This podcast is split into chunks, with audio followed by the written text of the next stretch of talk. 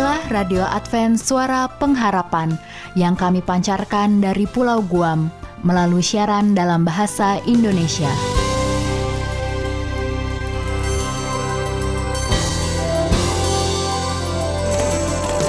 Salam sejahtera kami sampaikan kepada para pendengar kami di mana pun Anda berada. Selamat berjumpa kembali dengan kami, Radio Advent Suara Pengharapan. Dengan senang hati, kami akan menemani Anda melalui rangkaian acara yang telah kami persiapkan khusus bagi Anda sekeluarga. Harapan kami semoga siaran ini dapat bermanfaat dan menjadi berkat bagi Anda semuanya. Selamat mengikuti dan selamat mendengarkan. Tuhan memberkati.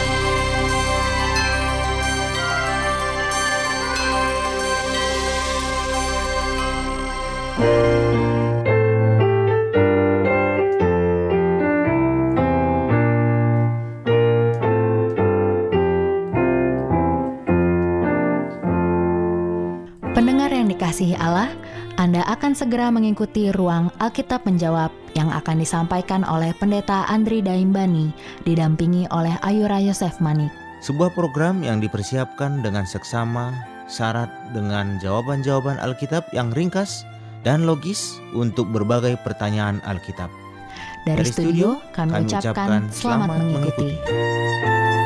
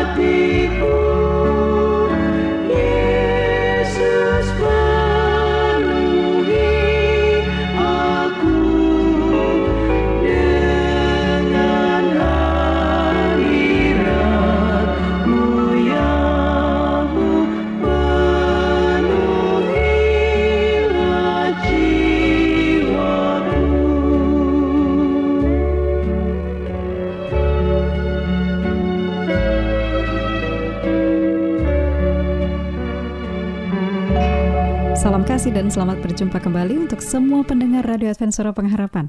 Kami sangat berharap Anda semua dalam keadaan yang sangat luar biasa dalam perlindungan Tuhan. Dan kita bersyukur untuk kesempatan ini para pendengar kita akan lanjutkan dengan Alkitab menjawab.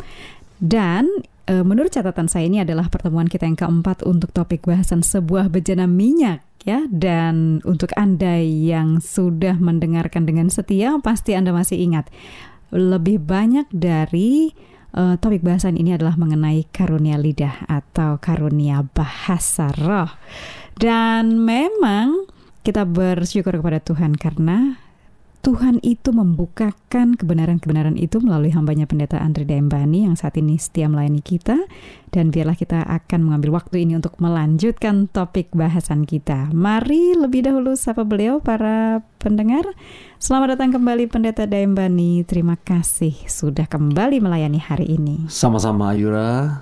Jadi bagaimana pendeta? Apakah semangatnya tetap luar biasa? Betul sekali, tetap luar biasa. Saya ingin semangat saya ini boleh dapat ditularkan kepada setiap pendengar. Bagaimana dengan Ayura sendiri? Apakah tetap Betul. juga semangat? Betul pendeta, itu semangatnya nggak boleh luntur ya. Betul Kalau sekali. luntur harus diwarnai lagi Supaya tidak luntur ya. supaya tetap luar biasa. Karena Iya. Allah kita juga tetap luar Amin. biasa. Allah yang luar biasa. Betul sekali. Oke pendeta, Iya. karena ya berulang-ulang kita itu sering kehabisan waktu, Iya, kita selalu mau dibatasi lanjut oleh ya. waktu.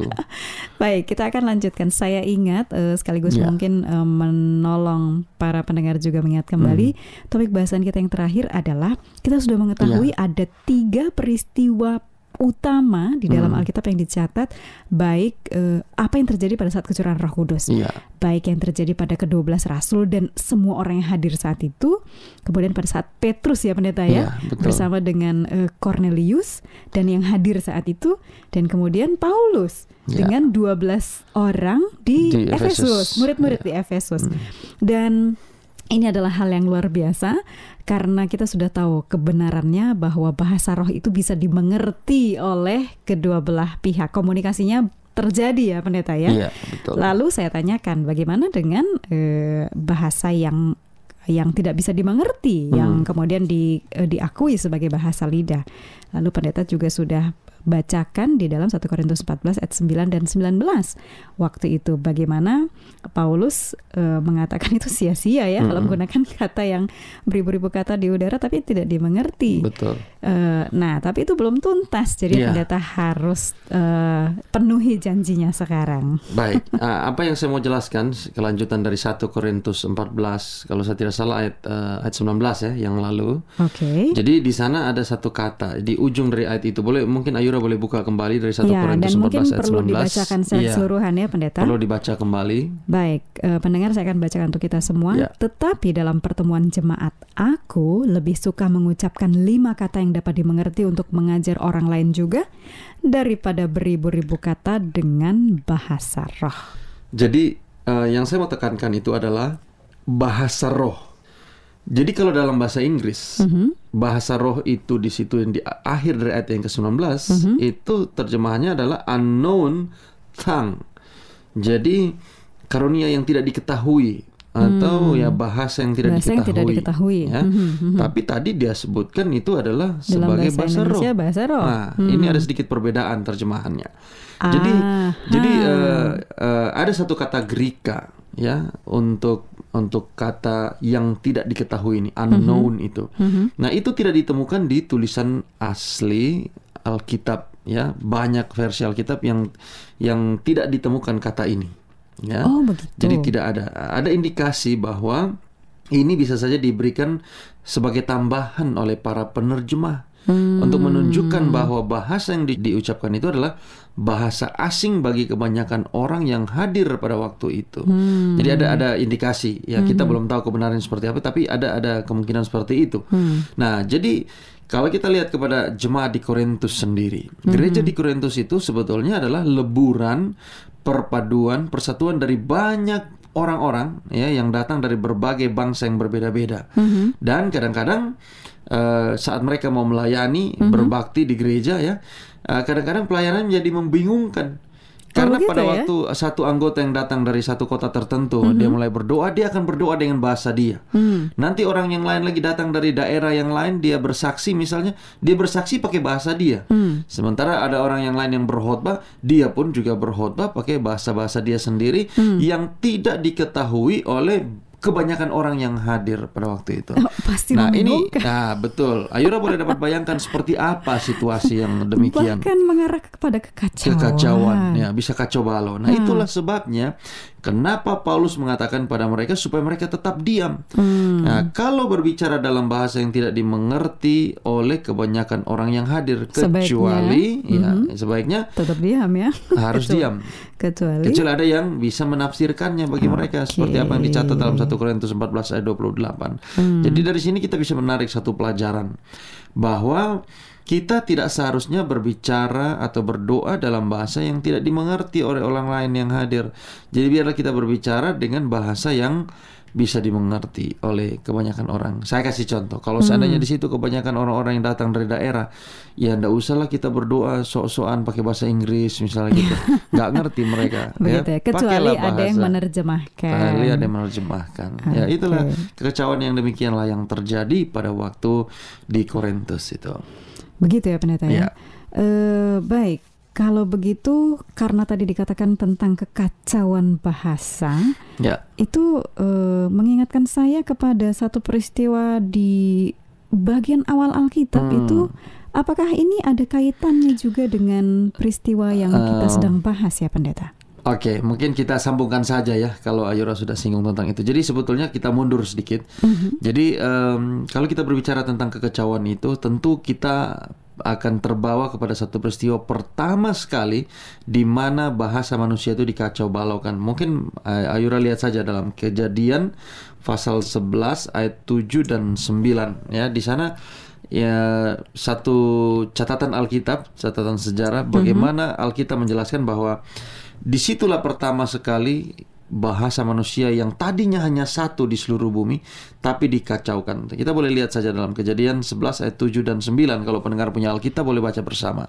Baik. Ya. Saya akan bacakan untuk kita semua Kejadian 11 ayat 7 Baiklah kita turun dan mengacau balaukan di sana bahasa Hmm. mereka Ya. sehingga mereka tidak mengerti lagi bahasa masing-masing. Hmm. Ayat 9. Itulah sebabnya sampai sekarang nama kota itu disebut Babel karena di situ dikacau balaukan Tuhan bahasa seluruh bumi dan dari situlah mereka diserahkan Tuhan ke seluruh bumi. Iya, sangat jelas di sana ya.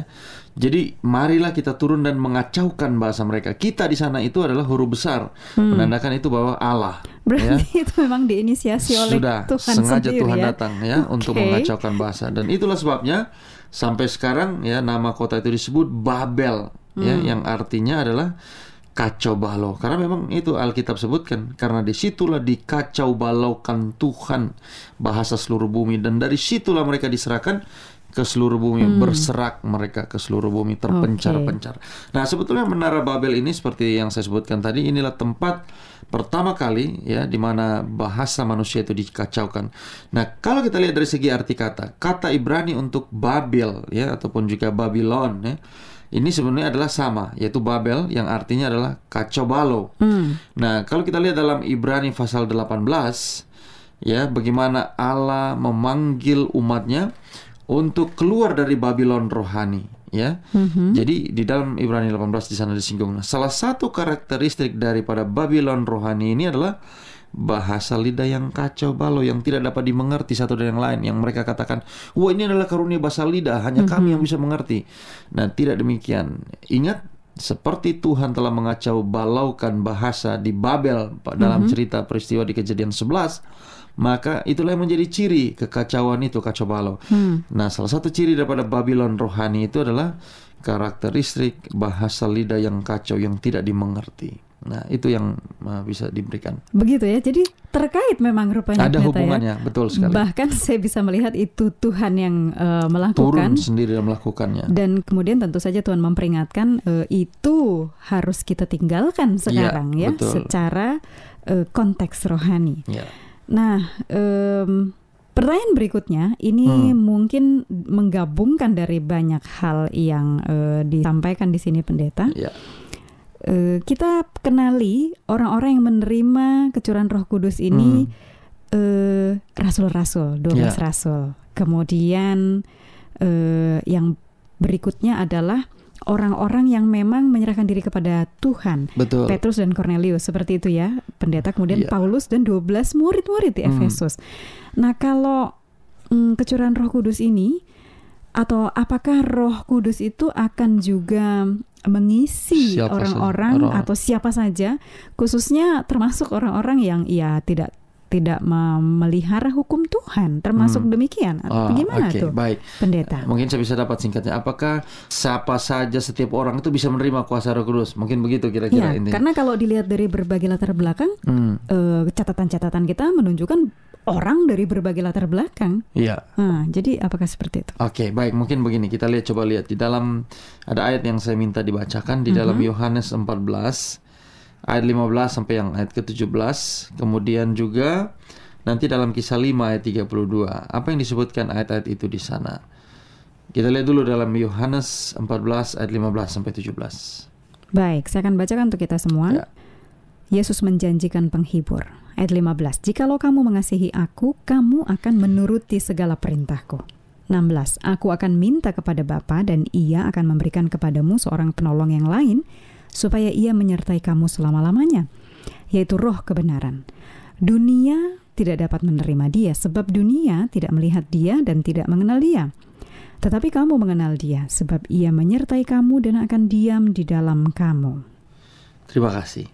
Di dalam ayat ini sambil nanti Ayura mempersiapkan kisah 5 ayat 32, di situ disebutkan tadi dalam Yohanes bahwa kalau kita eh, mengasihi Allah, mengasihi Yesus, maka kita akan menuruti perintah-perintahnya. Ya. Begitu ya pendeta ya? Itu sederhananya. Kemudian tadi juga disinggung di situ bagaimana eh, jadi dalam ayat yang selanjutnya tadi yang tadi Ayura sudah bacakan ya, bagaimana Yesus meminta kepada Bapa dan dia akan memberikan kepada kita seorang penolong ya untuk menyertai kita seterusnya. Siapa itu? Dia adalah Roh kebenaran. Nah, kata kunci yang di sini disebutkan adalah bahwa dunia tidak dapat menerima dia sebab dunia tidak melihat dia dan tidak mengenal dia. Tetapi murid-murid kita ya yang merupakan mu- murid-murid Kristus kita dapat mengenal dia sebab ia menyertai kamu dan ia akan diam dalam kamu. Eh, apa yang saya sebutkan di sini bagaimana kuasa yang luar biasa dari Roh Kudus itu tidak bisa tinggal di dalam mereka yang menolak untuk menurut akan perintah-perintah Allah. Jadi kalau tadi Ayura tanyakan apakah siapa semua saja orang, semua orang bisa siapa mendapat saja. Ayat itu tadi memberikan indikasi bahwa tidak demikian. Tidak semua orang dapat. Karena apa? Roh penghibur yang diutus oleh Bapa dalam nama Yesus itu hanya dimengerti oleh mereka. Dunia tidak, bisa mengerti melihat, ya. mereka, tidak bisa melihat Hmm. seperti itu. Kalau dalam kisah 5 ayat 32 juga di sana disebutkan. Baik, saya akan bacakan untuk kita semua. Dan kami adalah saksi dari segala sesuatu itu. Kami dan Roh Kudus yang dikaruniakan Allah kepada semua orang yang mentaati Dia. Wah, Ini lebih jelas sekali. lagi bahwa Roh Kudus itu ya mereka adalah saksi. Mhm. Roh Kudus itu diberikan kepada mereka yang taat ya akan Mentaati ya, mentaati ke Allah. Kristus dalam kebenarannya. Baik. Jadi tidak kepada semua orang. Ya, saya Hmm. pikir itu sudah sangat jelas, tidak perlu lagi saya jelaskan ya. Oke. Tapi ini Jadi perlu kita demikian. camkan baik-baik ya para pendengar. Iya, Tidak semua sekali. orang bisa menerima karunia, Karunia. Roh Kudus. Dalam artian eh, kita juga eh, membahas tentang karunia lidah itu tadi ya Betul. pendeta ya atau Iya. karunia bahasa roh. Tetapi syaratnya sebetulnya jelas sekali Alkitab katakan yang Iya. mentaati perintah-perintah Tuhan Hmm. Kristus. Betul. Oke, kalau begitu yang selanjutnya dari banyak catatan-catatan tentang eh, karunia roh ini dan juga yang sudah pendeta sampaikan kepada kita, Ya. itu tokohnya kan salah satunya Paulus ya pendeta Betul. ya. Nah dia tuh banyak kasih nasihat nih. Eh, jadi karunia roh apa sih yang menurut Paulus itu bisa kita mohon atau istilahnya jadi idam-idaman ya atau jadi tujuan lah supaya itu bisa kita miliki Hmm. seperti Oh, itu. Ada nggak oke. ya pendeta ya seperti itu? Ya, mungkin saya tidak tahu apakah ayat ini nanti mungkin bisa memberikan penjelasan. Kita boleh lihat di dalam 1 Korintus 14 ayat 4 ayat 5 dan juga ayat 12. Mudah-mudahan itu bisa menjawab apa yang Ayura tanyakan. Karunia rohani apa yang seharusnya kita uh, rindukan, kita idamkan. Oke, saya bacakan untuk kita semua. 1 Korintus 14 ayat 4 dan 5, lalu ayat 12 ya benar Iya. ya. Dari ayat 4, siapa yang berkata-kata dengan bahasa roh, ia membangun dirinya sendiri. Tetapi siapa yang bernubuat, ia membangun jemaat. Ayat 5, aku suka supaya kamu semua berkata-kata dengan bahasa roh. Tetapi lebih daripada itu supaya kamu bernubuat. Sebab orang yang bernubuat lebih berharga daripada orang yang berkata-kata dengan bahasa roh. Kecuali kalau orang itu juga menafsirkannya sehingga jemaat dapat dibangun. Ayat 12. Ayat yang ke-12. Demikian pula dengan kamu. Kamu memang berusaha untuk memperoleh karunia-karunia roh, tetapi lebih daripada itu hendaklah kamu berusaha mempergunakannya untuk membangun jemaat. Ya, terima kasih. Jadi dari tiga ayat ini, di sana ada satu kata kunci yang tadi terakhir Ayura bacakan bahwa tujuan utama daripada karunia lidah ini Iya. itu adalah atau dalam karunia bahasa roh ini adalah untuk membangun jemaat. Jadi itu sebetulnya kata kuncinya dari semua.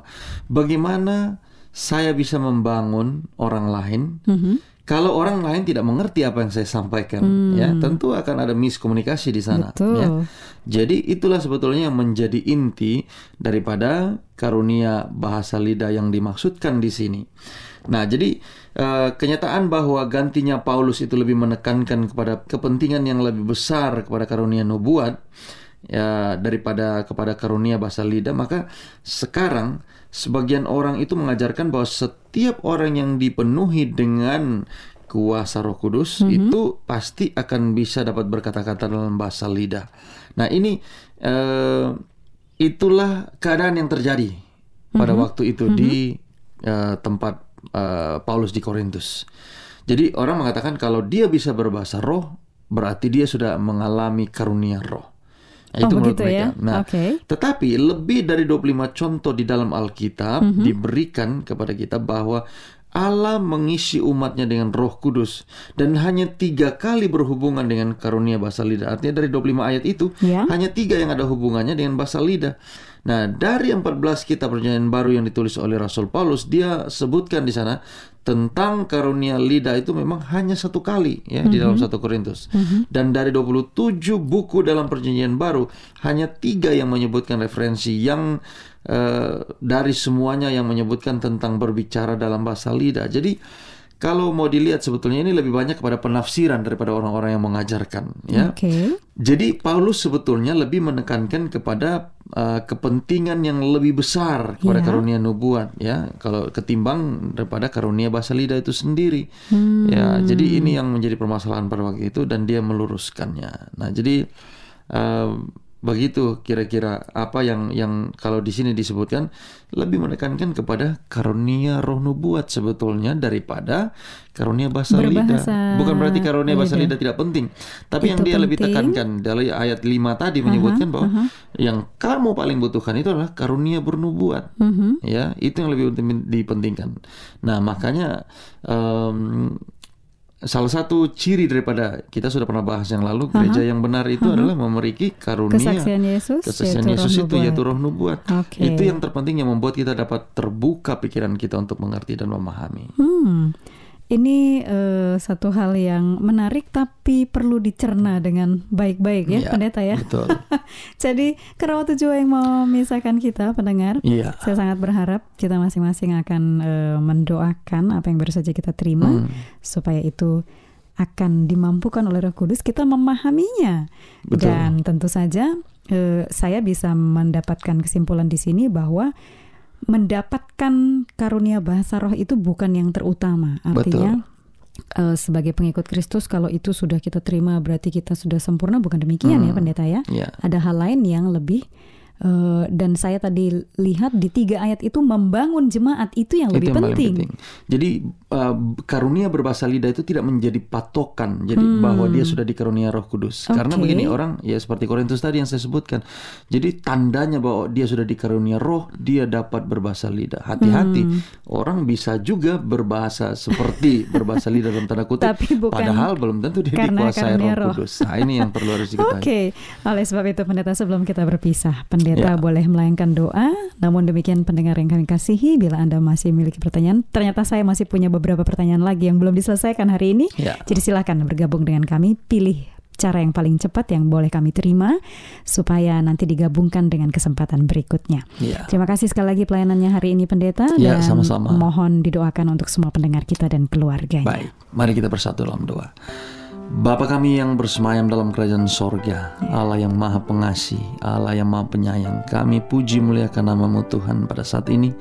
Oleh karena kesempatan yang Engkau telah karuniakan kepada kami untuk boleh melanjutkan akan pembahasan tentang karunia roh dan bahasa lidah. Biarlah pembahasan yang sederhana yang sudah kami ikuti ini akan menolong masing-masing kami supaya kami boleh dapat memiliki dasar pemahaman yang baik seperti apa yang firman-Mu inginkan bagi kami. Mungkin terkadang kami disesatkan oleh pemikiran-pemikiran duniawi, oleh tradisi-tradisi dan oleh ajaran-ajaran yang tidak sesuai dengan firman-Mu. Biarlah melalui tuntunan Roh Kudus-Mu akan menolong kami.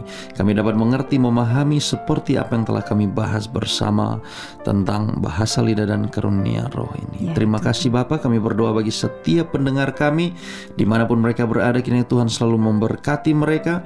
Kalau tadinya mereka mungkin belum mengerti dengan baik, dengan benar tentang karunia roh dan bahasa lidah ini, biarlah melalui pembahasan yang baru saja kami akhiri, mereka dapat mengerti dan memahami bahwa yang lebih penting bagi Tuhan adalah karunia bernubuat seperti apa yang kami dengar dan baca daripada firman-Mu. Terima kasih Bapak, kami rindu di waktu yang mendatang kami boleh dapat melanjutkan untuk mendengar dan membahas akan firman Tuhan. Terima kasih Bapak, inilah doa kami. Ampuni dosa dan kesalahan kami. Di dalam nama Yesus kami berdoa.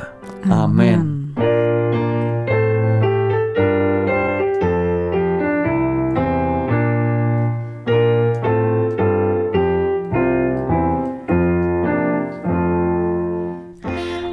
Baru saja mengikuti ruang Alkitab menjawab. Dan kami berharap serta mendoakan bahwa program ini bukan saja menjawab pertanyaan Anda, tetapi juga dapat digunakan sebagai pedoman bagi pencari Tuhan yang sungguh-sungguh. Sampai, berjumpa kembali dalam program yang sama minggu depan. Salam dan doa kami menyertai Anda sekalian. Tuhan memberkati. Shalom bagi semua sahabat pendengar. Kabar baik bahwa kisah dan kesaksian terkait siaran dan pelayanan AWR Indonesia kini dapat diikuti secara berkala, baik melalui siaran harian Radio Advent Suara Pengharapan setiap minggu kedua dan keempat, juga melalui YouTube dan Facebook AWR Indonesia. Terima kasih banyak untuk yang sudah menyampaikan dan masih terbuka bagi Anda semua untuk segera SMS atau telepon ke nomor AWR di 0821 1061 1595 atau di nomor 0816 1188 302 untuk WhatsApp dan Telegram. Kami tetap menunggu dukungan Anda.